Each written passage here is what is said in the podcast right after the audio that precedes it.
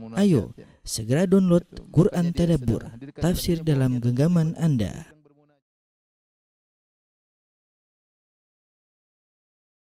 Bismillahirrahmanirrahim. Assalamualaikum warahmatullahi wabarakatuh.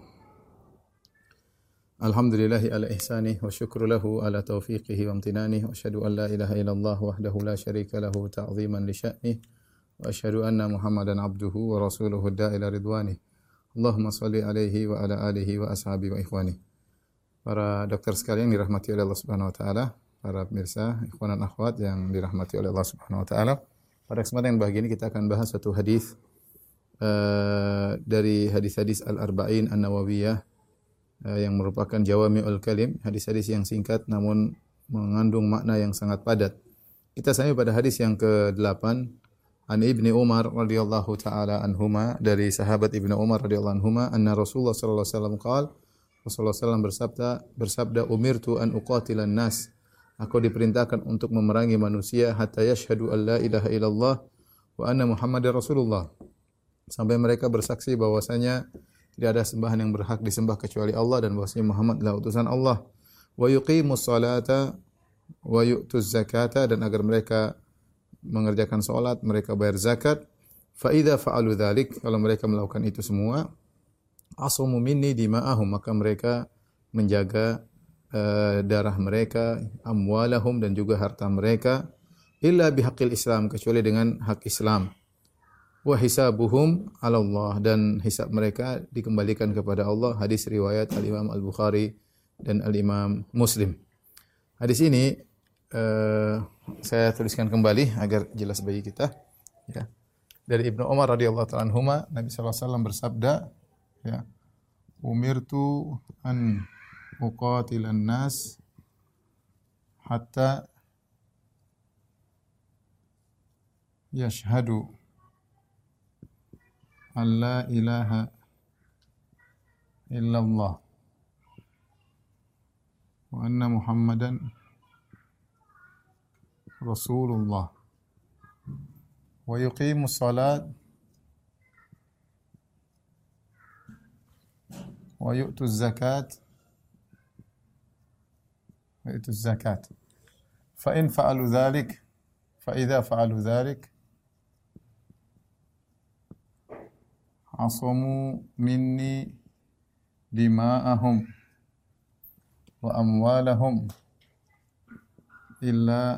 bihaqqil Islam. Wa hisabuhum 'ala Allah. Tapi kita artikan dulu secara uh, huruf ya. Kata Nabi, aku diperintahkan.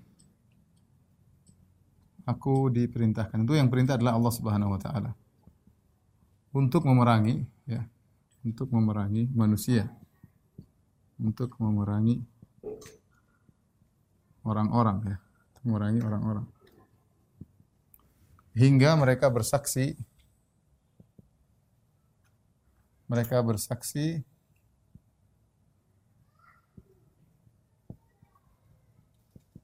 bahwasanya tidak ada yang sembah berhak disembah kecuali Allah, la ilaha illallah, bahwasanya Muhammad utusan Allah.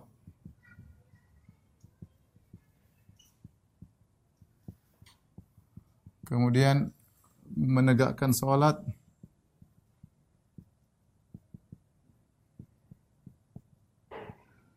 kemudian membayar zakat, menunaikan zakat. Fa idza fa'alu dzalik, kalau mereka melakukannya, jika mereka melakukannya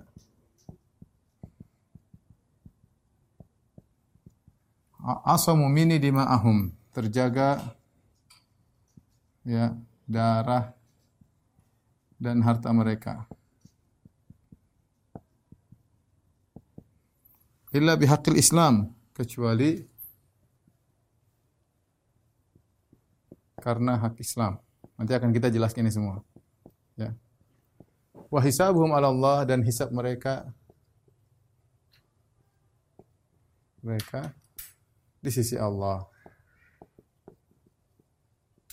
Jadi uh, hadis ini salah satu hadis yang tidak diketahui oleh Abu Bakar dan Umar radhiyallahu taala. Di zaman Abu Bakar radhiyallahu anhu, setelah Rasulullah SAW wafat di zaman pemerintahan uh, Abu Bakar radhiyallahu taala anhu terjadi kehebohan yaitu banyak orang-orang yang murtad dari orang-orang Arab Badui mereka murtad di antara mereka mengikuti Nabi palsu Musailimah al-Kadzab sampai terjadi banyak peperangan seperti peperangan Yamamah ya sampai puluhan ribu dan puluhan ribu dan banyak sahabat yang meninggal dunia.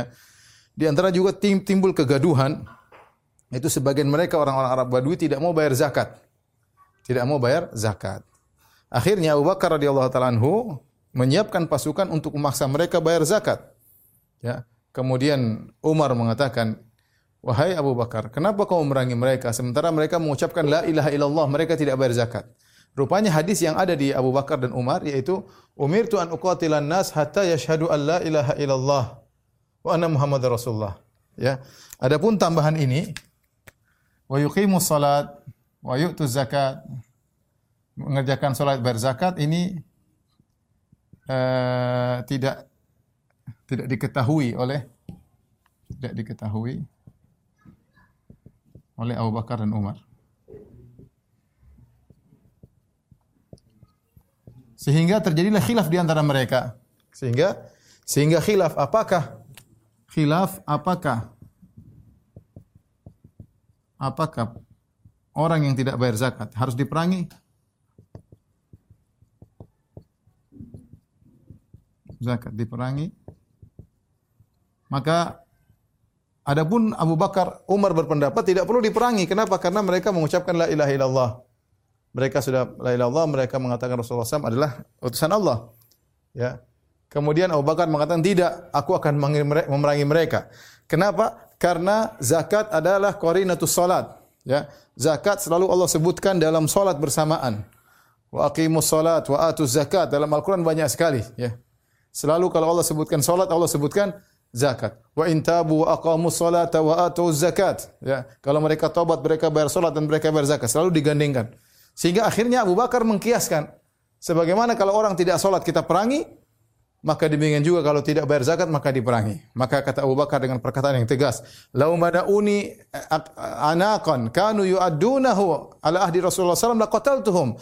Kalau di zaman Nabi mereka membayar zakat dengan kambing, mereka kasih kambing kecil untuk bayar zakat di zaman Nabi. Sekarang mereka tidak mau bayar, aku akan perangi mereka. Bahkan dalam riwayat, walau manauni iqalan, kalau mereka di zaman Nabi bayar zakat dengan iqal, dengan tali yang mengikat onta, sekarang mereka tidak bayar, laqataltuhum, aku akan memerangi memerangi mereka. Akhirnya diskusi antara Abu Bakar dan Umar, akhirnya Umar pun mengalah dan setuju dengan pendapat Abu Bakar di mana Abu Bakar mengkiaskan solat zakat kepada solat akhirnya diperangilah mereka yang tidak mau bayar zakat sampai mereka mau bayar zakat. Kata para ulama ternyata ada hadis yang lebih tegas sehingga seharusnya Abu Bakar tidak perlu analogi, tidak perlu kias, yaitu hadis Ibnu Umar yang sedang kita bahas ini. Ternyata ada hadis yang lebih lengkap. Kata Nabi SAW, aku diperintahkan untuk memerangi orang-orang sampai mereka mengucapkan la ilaha illallah Muhammad Rasulullah sampai mereka mengerjakan sholat bayar zakat. Berarti kalau belum baru ucap la ilaha illallah, belum Muhammad Rasulullah, atau sudah mengucapkan la ilaha illallah Muhammad Rasulullah tapi tidak solat boleh diperangi. Atau sudah solat tidak bayar zakat boleh diperangi. Dan ini nas. Nas tegas. Ada dalilnya dan ini hadis diriwayatkan oleh Ibnu Umar radhiyallahu taala anhuma yang tidak diketahui Abu Bakar dan tidak diketahui oleh ayahnya Umar bin Khattab radhiyallahu taala Oleh karenanya sebagian ulama mengatakan meskipun Abu Bakar dan Umar senior terkadang ada ilmu yang mereka tidak ketahui. Sebagaimana perkataan Sebagian orang yujad fin nahar malam yujad fil bahar. Ada perkara-perkara yang terdapat di sungai yang tidak terdapat di di lautan. Memang Ibnu Umar lebih muda, tapi bisa jadi dia meriwayatkan hadis yang didengar langsung dari Nabi SAW yang kebetulan Abu Bakar dan Umar tidak hadir mendengar hadis hadis tersebut. Inilah uh, kisah tentang hadis ini yaitu Abu Bakar berdalil dengan hadis ini ya untuk memerangi orang-orang yang tidak bayar zakat di zaman uh, beliau uh, uh, radhiyallahu taala anhu. Taib. Yang berikutnya uh, inti daripada hadis ini yaitu orang yang sudah mengucapkan la ilaha illallah maka terjaga hartanya dan darahnya ya. ya. ya tentunya dia harus mengerjakan sholat dan juga harus zakat. Kalau mereka sudah orang sudah melakukan ini mengucapkan la ilaha illallah mengakui Rasulullah, menegakkan sholat, bayar zakat, maka tidak boleh diperangi, ter, terjaga harta dan darah mereka. Ya. Makanya kata Nabi, "Asaw asamu minni dima'ahum amwalum." Mereka menjaga darah mereka dan harta mereka. Illa bihaqil Islam. Kecuali mereka melanggar. Apa hak Islam yang membuat hak Islam yang bisa menghalalkan menghalalkan darah seseorang yang mengucapkan la ilaha illallah. Mengucapkan la ilaha illallah. Di antaranya akan datang pada hadis selanjutnya nanti insyaallah yaitu la yahilu damu muslim illa bi ihdah salas. Bahwasanya darah seorang muslim tidak halal kecuali tiga perkara. Di antaranya kalau dia murtad maka dia boleh dibunuh menurut syariat Islam. Kemudian di antaranya dia uh, berzina dengan dirajam, berzina jika sudah menikah. Kemudian masih berzina, maka dia boleh dibunuh dengan dirajam. Uh, yang ketiga dia membunuh orang lain, dikisos. Membunuh orang lain maka dia dikisos. Dikisos. Ini di dirajam. Kalau dia melakukan salah satu daripada tiga ini maka dia berhak untuk ditumpahkan darahnya. Ya, hisabum Allah ya. Maka adapun kalau mereka zahirnya kalau zahirnya Islam, maka kita tidak boleh menumpahkan darahnya. Urusan mereka kepada Allah seandainya ternyata mereka munafik, ya bukan urusan kita. Kita cuma dituntut untuk menilai zahir. Maksud daripada ini adalah kita hanya dituntut untuk menilai yang zahir, yang nampak, yang lahir ya. Misalnya ada seorang munafik, kemudian dia ternyata tidak beriman kepada Allah dan tidak beriman kepada Rasulullah, tapi dia ternyata mengucapkan la ilaha illallah Muhammad Rasulullah, dia membayar kerjakan salat, bayar zakat, maka tidak boleh kita uh, membunuhnya, tidak boleh menumpahkan darahnya. Kita katakan hisabuhum ala Allah, urusan dia diserahkan kepada Allah Subhanahu wa taala ya. Dan inilah hukum asal seorang muslim ya. Ini menunjukkan ya, hukum asal seorang muslim tidak boleh ditumpahkan darahnya kecuali kalau dia melakukan pelanggaran hak Islam. Ya, ini hukum asal. Hukum asal seorang muslim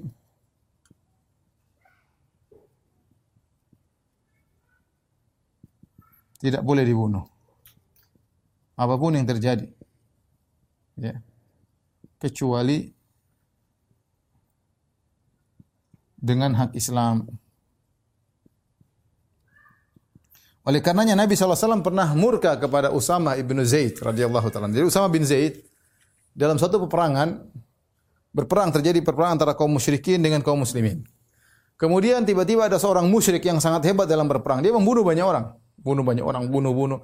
Akhirnya dikejar oleh Usama dan seorang Ansari. Ansari dari kaum Ansar mengejar orang tersebut. Ketika orang tersebut dalam kondisi terdesak dan akan dibunuh oleh sahabat, maka dia berkata la ilaha illallah. Dia mengucapkan la ilaha illallah. Akhirnya yang Ansari enggak jadi membunuh dia karena ini orang sudah masuk Islam mengucapkan la ilaha illallah. Zahirnya dia mengucapkan la ilaha illallah. Adapun Usama dia lanjutkan dia bunuh orang tersebut.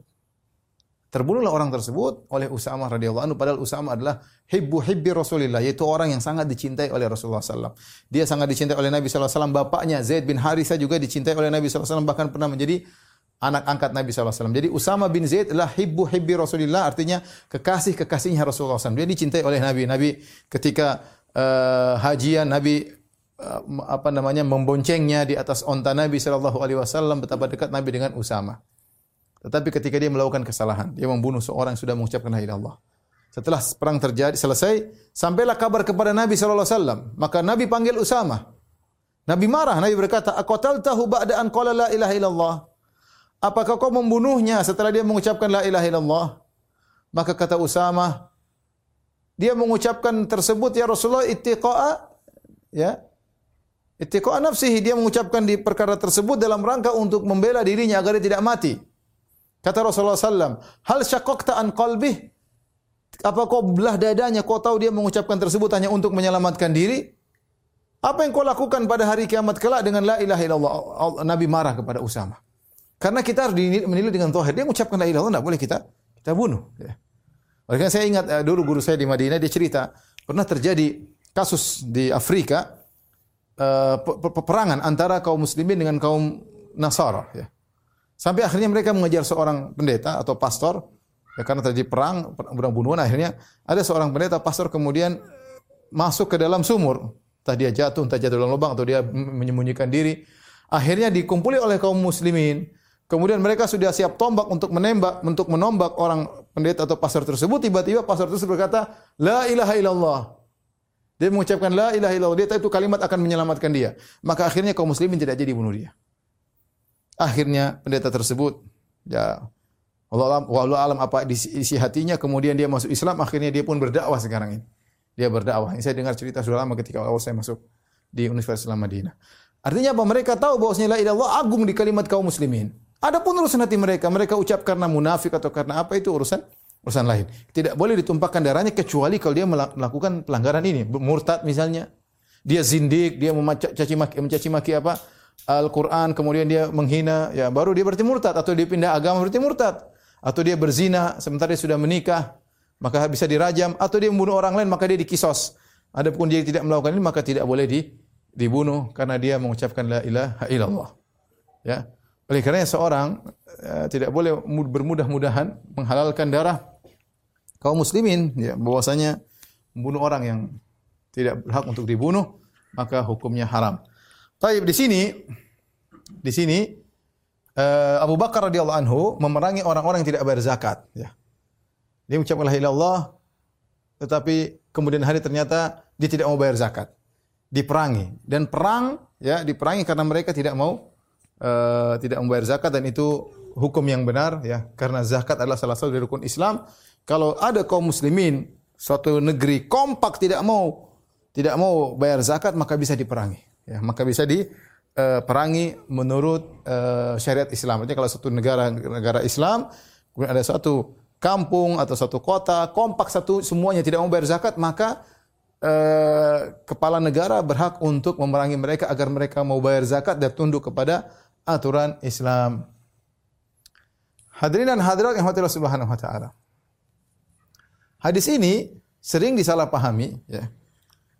Dijadikan hadis ini ya. Kata Nabi Umir tuan uqatilan nas, aku diperintahkan memerangi manusia, memerangi orang-orang. Ya. Sering dijadikan uh, bahan oleh orang-orang yang non muslim atau ateis mengatakan Islam adalah agama yang uh, sangar ya kata mereka ya syubhat kata mereka hadis ini menunjukkan Islam adalah agama yang bengis yang memaksa bahkan mereka mengatakan Islam tersebar dengan pedang dan tuduhan-tuduhan macam-macamnya ya uh, mereka memahami hadis ini dengan umum. Aku diperintahkan untuk memerangi manusia, seluruh manusia diperangi sampai mengucapkan la ilaha illallah. Padahal para ulama menjelaskan manusia di sini maksudnya adalah khusus. Yaitu siapa manusia di sini? Sebagian menafsirkan yang dimaksud dengan orang-orang di sini, ya. Orang-orang di sini maksudnya yaitu orang-orang kafir yang memerangi kaum muslimin kaum muslimin. Atau sebagian mereka mengatakan maksudnya adalah orang-orang musyrikin Arab, orang-orang Quraisy yang memerangi kaum kaum muslimin dalam kurung musyrikin Arab. Ini maksudnya. Ya. Bukan seluruh, ya perhatikan, bukan seluruh orang. Bukan bukan seluruh orang. Ya. Bukan berarti ketemu setiap orang kita bunuh, la ilaha enggak bunuh, la enggak bunuh. Mengucap la ilaha enggak bunuh, enggak, enggak demikian. Ini maksudnya umirtu an uqatilan nas atau aku diperintahkan untuk ya e, memerangi ya orang-orang yang memang memerangi Nabi sallallahu alaihi wasallam e, sebelumnya sampai mereka mengucapkan la ilaha illallah, sampai mereka mendirikan salat, sampai mereka membayar uh, bayar zakat. Hukum asalnya demikian. Hukum asalnya ini hadis datang ketika Nabi sedang berbicara interaksi dengan orang-orang kafir. Karena orang kafir tidak semuanya boleh dibunuh. Ya. Orang kafir tidak semuanya boleh boleh dibunuh. Tapi tolong uh, tolong dihapus. Saya akan sebutkan dalil-dalil akan hal tersebut ya.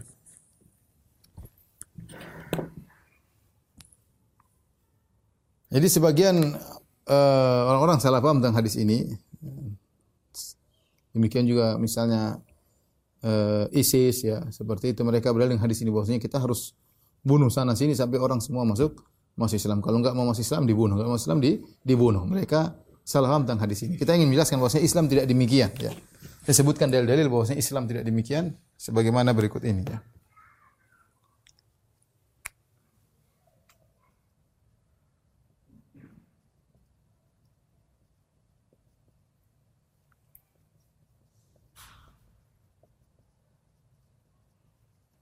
Tidak memerangi semua orang kafir.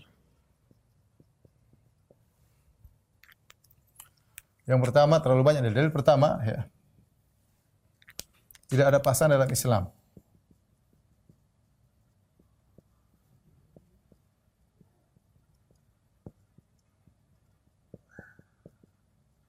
Kata Nabi SAW, kata Allah Subhanahu Wa Taala, la ikraha fid din. Ya, tidak ada paksaan dalam Islam. Di antara sebab nuzul ayat ini ketika Rasulullah SAW eh, mengusir Bani Nadir, ya, Bani Nadir, Bani Nadir mereka jadi Rasulullah ketika datang ke kota Madinah.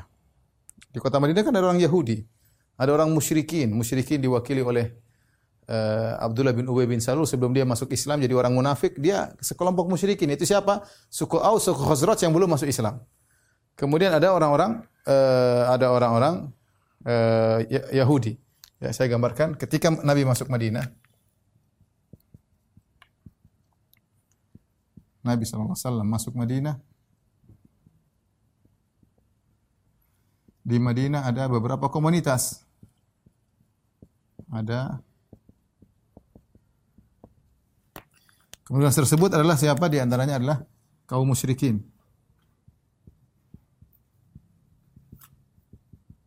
Kaum musyrikin maksudnya siapa? Yaitu suku Aus, Aus dan Khazraj yang belum masuk Islam. Yang belum masuk Islam. Yang sudah masuk Islam namanya kaum Ansar. Terus juga ada komunitas kaum muslimin.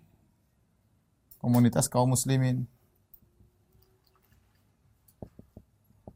Siapa mereka? Yaitu Al-Ansar. Ansar dan Muhajirin. Kemudian juga ada komunitas Yahudi. Yang mereka ada tiga kabilah. Ada namanya kabilah uh, Bani Qainuqa. Kemudian Bani Nadir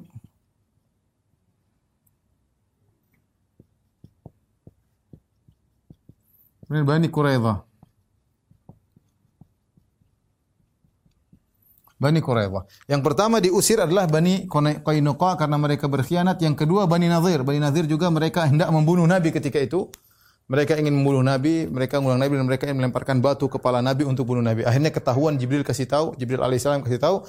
Akhirnya Nabi e, mengusir mereka sehingga turun surat firman Allah surat Al-Hasyr. Surat Al-Hasyr tentang pengusiran Bani Nadir, ya, Bani Nadir dari kota Madinah, ya. Akhirnya mereka keluar. Ketika mereka diusir Bani Nadir, ada sebagian anak-anak kaum Ansar ya, yang mereka ternyata uh, punya hubungan kekerabatan sama Bani Nadir dan mereka beragama Yahudi. Mereka beragama Yahudi, ya. Sementara orang, orang tua mereka Islam.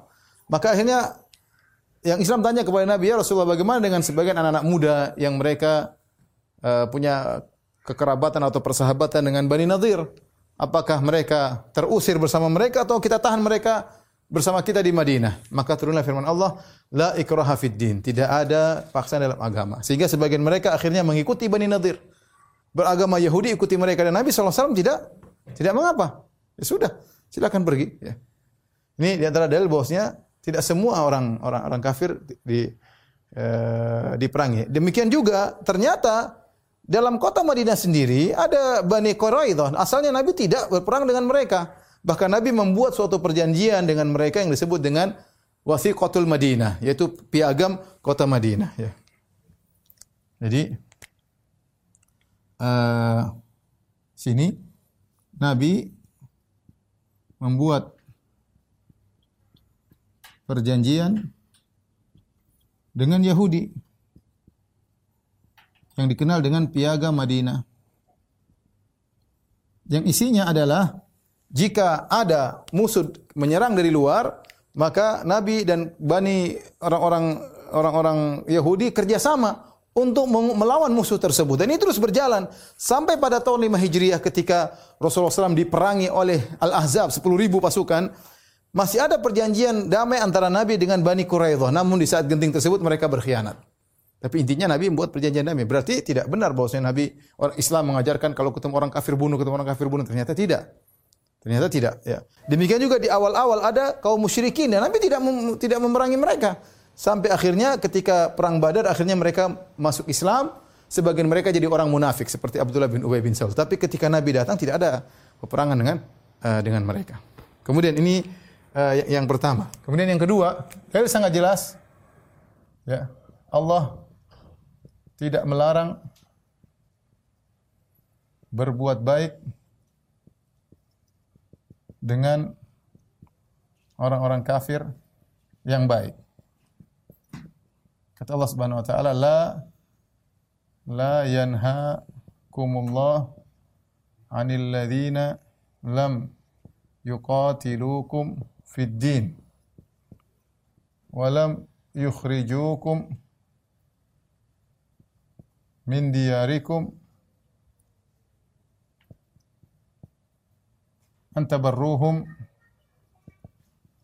wa tuqsitu ilaihim Innallaha yuhibbul muqsitin. Artinya apa? Allah tidak melarang kalian untuk berbuat baik dan untuk adil kepada siapa? Kepada orang-orang kafir yang tidak memerangi kalian. Lam alladzina lam yuqatilukum fid din.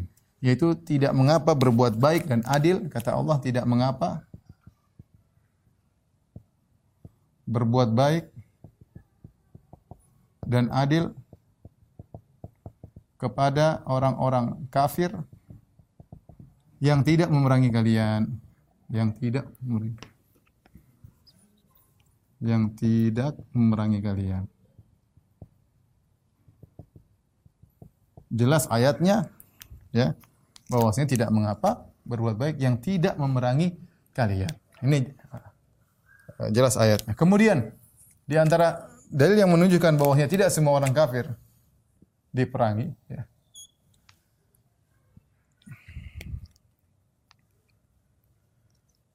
yaitu ayat-ayat yang datang ayat-ayat yang datang tentang memerangi orang-orang kafir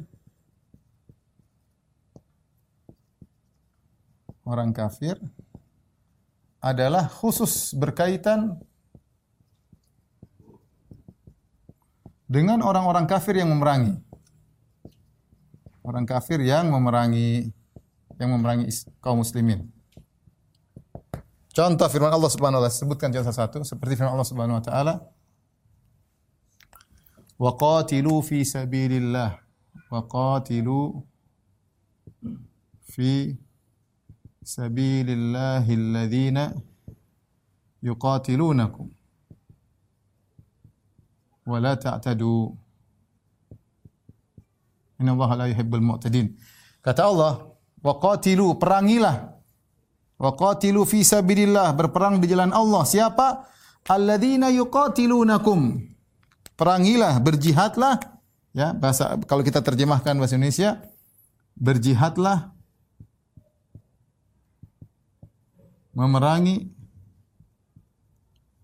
orang-orang yang memerangi kalian. Jelas ayatnya. Ya. Berjihadlah memerangi orang-orang yang memerangi kalian.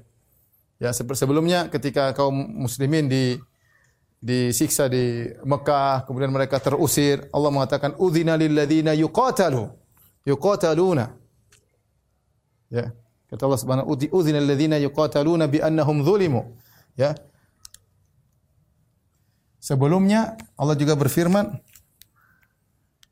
sebelum ayat ini Allah berfirman Udzina lilladzina yuqataluna bi annahum zulimu wa inna Allah ala nasrihim laqadir wa inna Allah ala nasrihim laqadir alladzina ukhriju min diyarihim.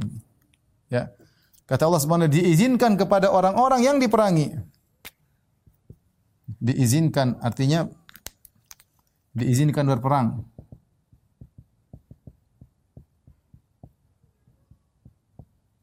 Bagi orang-orang yang diperangi.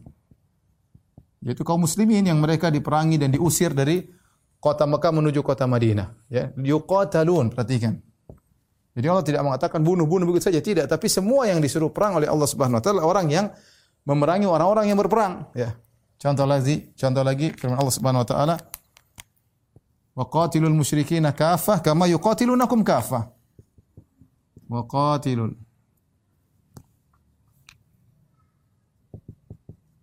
musyrikina kafah kama yuqatilunakum kafah. Sama artinya, perangilah kaum musyrikin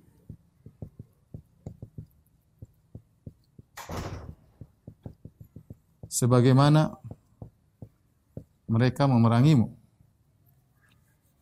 Seluruhnya, kaum musyrikin seluruhnya sebagaimana mereka memerangi kalian seluruhnya.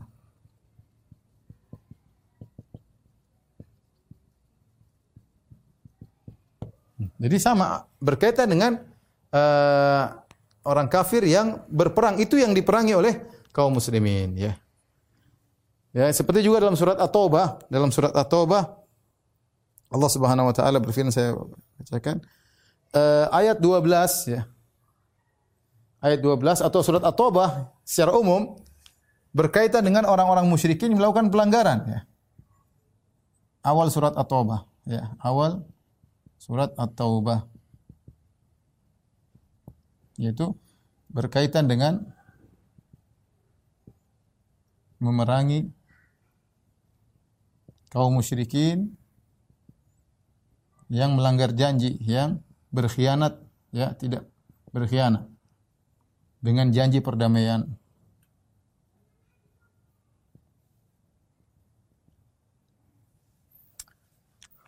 Kemudian ini dalil bahwasanya tidak semua orang kafir diperangi. Kemudian karenanya para ulama menjelaskan para ulama menjelaskan macam-macam non muslim atau kafir. Ada beberapa macam model kafir. Yang pertama disebut dengan uh, kafir zim, uh, kafir muahad. Muahad. Kafir muahad yaitu orang kafir yang punya perjanjian perjanjian damai dengan kita. Orang kafir yang punya perjanjian damai dengan kita. Dan ini kalau kita baca sirah banyak sekali Rasulullah SAW bikin perjanjian damai. Di antaranya perjanjian damai yang ma'ruf, perjanjian Hudaybiyah dengan orang musyrikin Quraisy yang sebelumnya memerangi Nabi SAW, mengusir Nabi dari kota Mekah. Kemudian Nabi bikin perjanjian damai dengan mereka, tapi mereka melanggar. Tapi ada perjanjian damai. Ya. Kemudian juga ketika Nabi SAW berperang dengan orang Quraisy dalam uh, dalam perang Uhud, Nabi ketemu dengan sebagian kaum musyrikin yang Nabi punya perjanjian damai dengan mereka. Jadi di kota Madinah banyak suku-suku musyrikin. Ketika tahun 3 Hijriah terjadi perang Uhud, Nabi kan berperang sama orang Quraisy. Tetapi Nabi juga punya hubungan sama orang-orang musyrikin dari kabilah-kabilah yang Nabi punya perjanjian dengan mereka. Sehingga tidak tidak saling mengganggu di antara mereka. Di antaranya dengan seorang dari Khuza'ah, ya. Sehingga terjadi perang dengan hanya perang dengan orang Quraisy. Ketika tahun 6 Hijriah terjadi perjanjian damai dengan orang Quraisy. Jadi ada perjanjian kafir muahad. Yang Nabi SAW mengatakan dalam hadisnya, Kata Nabi SAW, man man man qatala mu'ahadan lam yarah raihatal jannah. Kata Nabi SAW, siapa yang membunuh? Membunuh kafir mu'ahad, kafir mu'ahad yang punya perjanjian damai, maka tidak cium bau surga. Ini ancaman yang berat. Haram bagi kita untuk bunuh orang kafir yang punya perjanjian damai. Sekarang kalau kita perhatikan sama sekarang, kita punya perjanjian damai. Kita orang Indonesia punya perjanjian damai dengan Amerika, dengan Inggris, dengan negara-negara kafir banyak, dengan Singapura, banyak ya. Kita perjanjian damai dengan, dengan Jepang, dengan dengan Cina, dengan negara negara-negara rata-rata ada namanya PBB, itu perjanjian damai ya. Untuk perjanjian damai, intinya kita ada hubungan damai dengan mereka. Perjanjian damai itu apa? Berjanji untuk gencatan senjata, tidak ada peperangan ya. Orang kafir sebenarnya tidak boleh di, dibunuh. Karena namanya juga kafir musta'man. Ya. Itu orang kafir yang diberi pengamanan. Yang diberi pengamanan. Ini ceritanya bagaimana? Ceritanya negara Islam sedang berperang dengan negara kafir. Jadi peperangan di antara mereka. Kemudian ada dari orang kafir yang minta masuk ke negara Islam, minta pengamanan. Contohnya utusan misalnya delegasi. Terjadi peperangan kemudian ini sedang perang ini. Negara Islam, negara kafir. Kemudian negara kafir minta pengamanan karena ada utusan yang ingin menyampaikan pesan dari uh, presidennya atau rajanya misalnya. Maka orang ini diamankan kalau disetujui oleh orang Islam tidak boleh dibunuh. Ini namanya kafir musta'man, kafir yang diberi pengamanan. Tidak boleh dibunuh ya, meskipun mereka dalam kondisi peperangan. Kenapa dia minta pengamanan dan dikasih? Dan ini ini boleh ya. Ini diperbolehkan. Dan ini dipraktikkan oleh uh, para sahabat ketika ada seorang Quraisy yang datang ke kota Madinah Sementara orang Quraisy sedang berperang sama orang Islam di kota Madinah. Kemudian di antara mereka minta pengamanan, maka Rasulullah kasih. Tidak boleh. Ya. Contohnya seperti eh, Zainab ketika Abul As, ya, suaminya datang kemudian masuk kota Madinah minta pengamanan, maka Zainab memberi pengamanan, maka yang lain tidak boleh mengganggu Abul As, padahal dia musyrik. Ini dipraktikkan kafir musta'man dan banyak dalil tentang hal ini. Kemudian di antaranya namanya kafir zimmi. Kafir zimmi. Apa itu kafir zimmi? Kafir zimmi adalah orang kafir yang tinggal di wilayah Islam dengan bayar jizyah. Jizyah itu apa? Jizyah itu kata para ulama lebih rendah daripada pajak. Nilainya lebih rendah daripada pajak. Eh, dari pajak daripada zakat, lebih rendah dari pajak. Fungsinya apa? Fungsinya untuk untuk menjaga orang tersebut menjaga orang tersebut, artinya dia tinggal di negara muslim, dia bayar jizyah, ya lebih ringan daripada zakat agar darahnya terjaga dan dia bisa beraktivitas, dia bisa uh, jual, beli, tidak boleh ada yang mengambil hartanya, tidak ada masalah ya. Sama orang muslim pun kalau punya uang disuruh bayar zakat ya, sama. Ya, ini bukan dan menunjukkan dia tunduk kepada peraturan Islam. Ini juga tidak boleh dibunuh.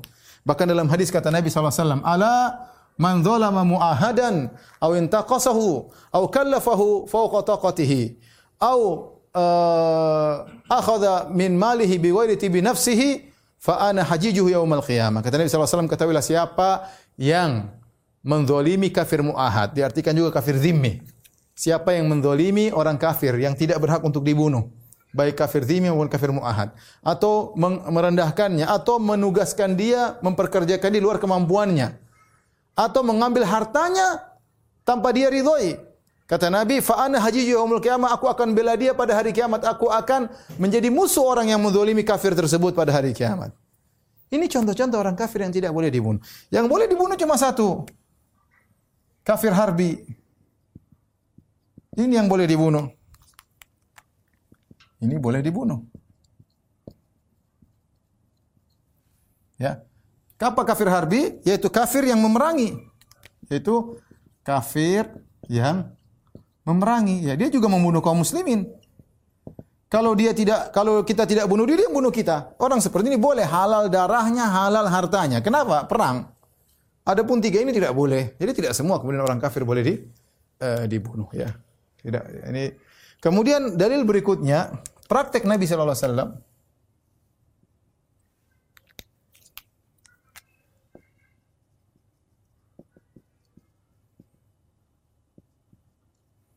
tidak membunuh sebagian orang musyrik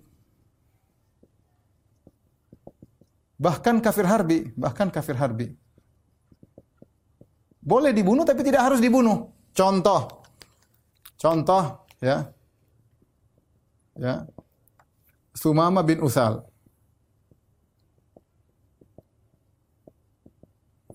Sumama bin Usal ini adalah seorang kafir harbi yang dia ditangkap oleh kaum muslimin kemudian diikat di dalam Masjid Nabawi. Maka Nabi datangi dia, dia mengatakan, Ya Muhammad, in taktulni taktul zadamin. Kalau kau bunuh saya, saya punya pengikut yang banyak, mereka akan menuntut balas. Ya. Wa in tunni in tunni ala syakir. Kalau kau memang membebaskan saya, kau membebaskan orang yang pandai bersyukur. Wa in kunta turidu malan, kalau kau ingin harta, minta balang saya, saya akan kasih kau harta. Hari kedua Nabi datang lagi. Bagaimana engkau wahai Sumama? Sumama jawab lagi. Kalau kau ingin harta saya kasih. Kalau kau bunuh saya, saya punya pengikut yang banyak akan balas dendam. Kalau kau membebaskan saya, saya berterima kasih. Ketiga hari, ketiga ditanya jawabnya sama. Akhirnya kata Nabi, atliku umamah, bebas, bebaskan um, umamah. Umamah bebas. Padahal dia berhak dibunuh. Dibebaskan oleh Nabi wasallam. Contoh lagi yang menakjubkan adalah uh, Quraisy Makkah. Quraisy di Fatu Makkah. Setelah perjanjian damai antara kaum muslimin dengan kaum musyrikin dalam perjanjian Hudaybiyah, ternyata mereka berkhianat. Ya. Akhirnya Nabi SAW dengan 10 ribu pasukan memerangi kota Mekah. Memerangi kota Mekah dan mereka kocar kacir. Ada sekitar 2 ribu orang kalau tidak salah yang ada di situ. Akhirnya mereka siap dibunuh oleh Nabi SAW. Maka Nabi mengatakan kepada mereka, Mata dhununa anni fa'ilum bikum. Apa menurut kalian aku lakukan kepada kalian? Artinya kalau aku bunuh bisa. Mereka memuji Nabi kata mereka anta khairuna engkau orang terbaik di antara kami. Ibnu khairina bapakmu juga yang baik dan engkau akan berbuat baik kepada kami. Apa kata Nabi SAW idhabu fa antumut tulaqa. Pergilah kalian kalian bebas. Mereka masih musyrik. Pada kalau dibunuh boleh Nabi bunuh mereka. Nabi bebaskan. Ya. Makanya kata Allah Subhanahu wa taala fa idza laqil fa idza laqital ladzina kafaru. Fa idza laqitumul ladzina kafaru fa darbar riqab hatta idza athkhantumuhum fashuddul wathaq fa imma manam ba'dun wa imma fida'un hatta al harbu auzara. Dalam surat Muhammad juga kata Allah Subhanahu wa taala, kalau kalian dalam peperangan, bunuh mereka kata Allah Subhanahu wa taala. Kalau ternyata mereka kalah, kalian tangkap, maka boleh dibunuh karena kafir harbi, boleh kalian bebaskan tanpa apa-apa, boleh kalian menerima tebusan. Sebagian dipraktikkan oleh Nabi dalam perang Badar, Nabi tidak membunuh, Nabi terima tebusan. Jadi intinya, ya, ini semua dalil bahwasanya tidak semua orang-orang kafir harus di, diperangi. Sehingga ya sebagai bukti ketika Nabi wasallam saya tambahkan lagi peperangan yang terjadi di zaman Nabi, jihad-jihad yang terjadi di zaman Nabi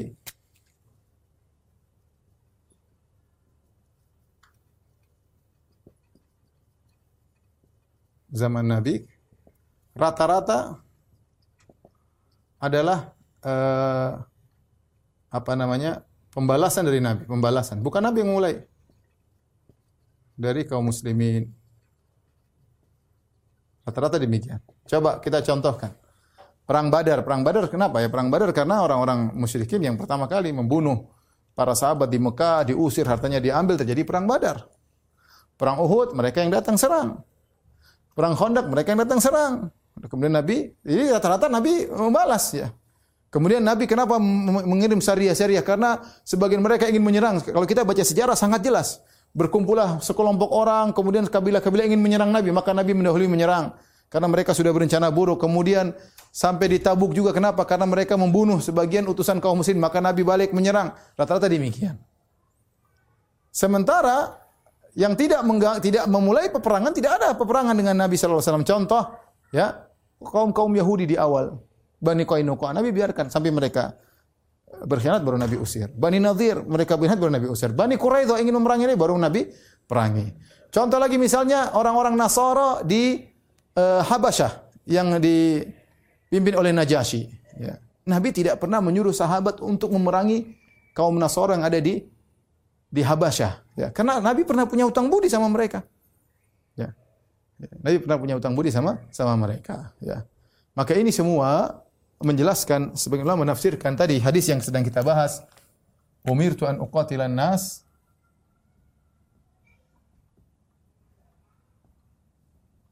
Ya. Aku diperintahkan untuk memerangi manusia sampai mereka mengucapkan la ilaha illallah. Manusia di sini maksudnya adalah kafir khusus, tidak semua orang maksudnya.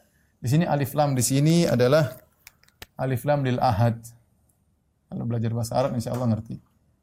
Lil ahad atau bisa dikatakan alam yuradu bihil khusus yaitu umum tapi maksudnya khusus adalah orang-orang kafir khusus yang memang Nabi diperintahkan untuk memerangi uh, mereka ya. Karena kalau Nabi tidak memerangi mereka juga memerangi Rasulullah sallallahu alaihi wasallam ya. Ini mungkin yang ingin disampaikan kepada kawan-kawan sekalian tentang pemahaman hadis tadi.